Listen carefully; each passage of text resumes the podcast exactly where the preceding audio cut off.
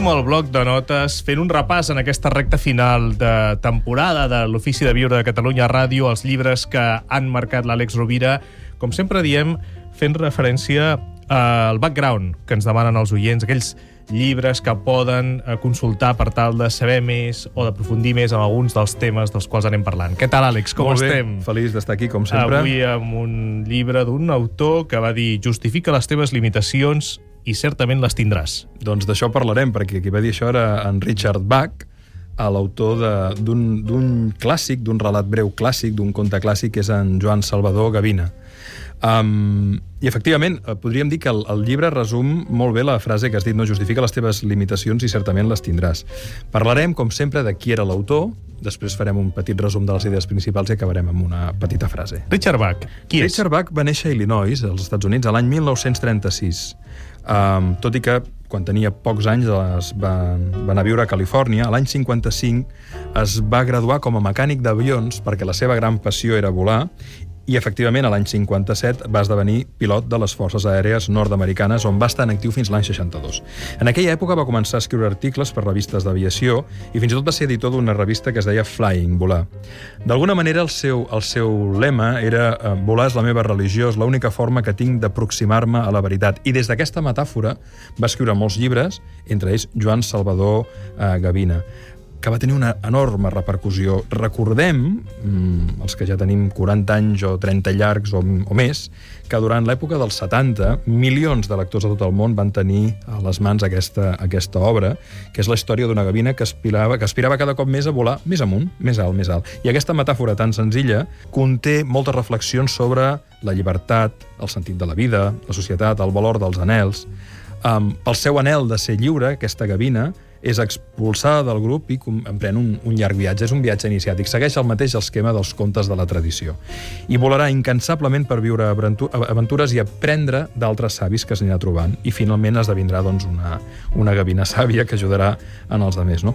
És un llibre breu, senzill, és una bona lectura d'estiu, ja que parlem de sol, de mar, de platja, de gavines, doncs bé, eh, per associació d'idees em va venir al cap l'altre dia, que és, eh, igual que en aquesta secció de vegades parlem de llibres més d'empresa, més tècnics, hem parlat de Maslow, hem parlat de, de, de Bertrand Russell, doncs també està bé de tant en quant anar a un altre registre, més senzill, molt més planer, com pot ser Joan Salvador Gavina de Richard Bach.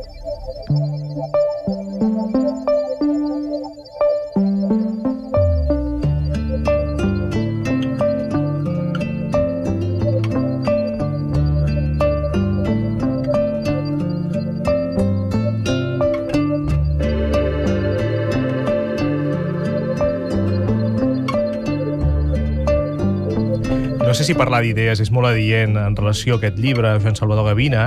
Bé, però sí que hi ha algunes Hi ha missatges. aportacions o missatges que se'n poden desprendre. Hi ha missatges molt interessants i d'alguna manera es nota, per exemple, la influència de, de l'obra de Viktor Frankl en el, en el llibre del Richard Bach.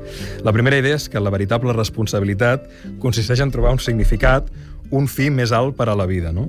La segona és que som lliures d'anar on volem i de ser el que som.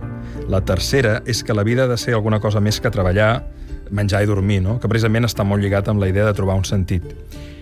Fa molt èmfasi en que la nostra missió com a persones és despertar les capacitats que tenim en el nostre interior i desplegar-les per desenvolupar el nostre potencial. També en aquesta línia insisteix molt en la idea de que la perfecció no té límits, és a dir, que un cop hem assolit una fita que desitjàvem, un projecte difícil, un repte, um, la vida ens demanarà anar més enllà, i més enllà, i més enllà. I en aquest sentit, la perfecció, no com una idea concreta a assolir, sinó com un procés d'evolució contínua, no té límits, no s'acaba mai.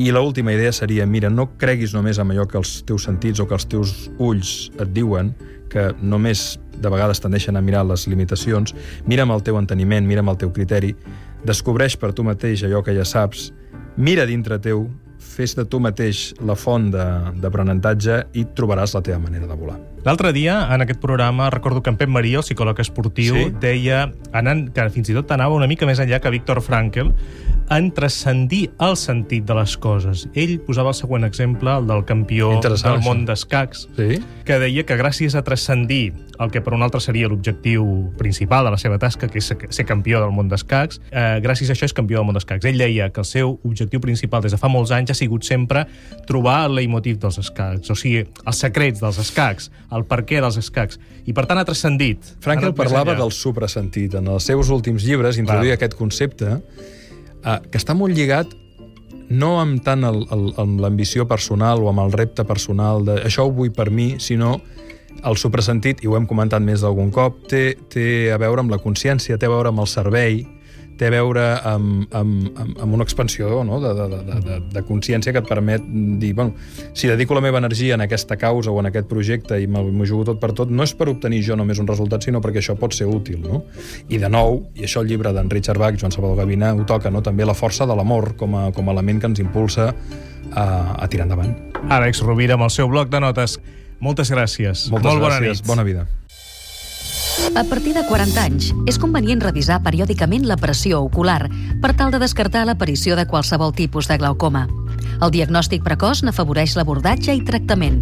No dubteu a sol·licitar una consulta informativa amb els facultatius del Centre d'Oftalmologia Barraquer, perquè, a més de tenir perícia i experiència contrastades, disposen sempre dels últims avenços oftalmològics en benefici del pacient. És una recomanació del Centre d'Oftalmologia Barraquer. Web barraquer.com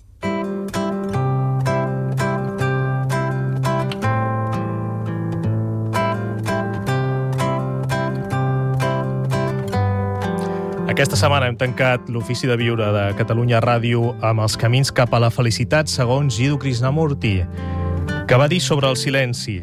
El silenci de la ment no s'aconsegueix mitjançant l'acció, no és quelcom que es persegueixi, arriba únicament quan cessa el conflicte.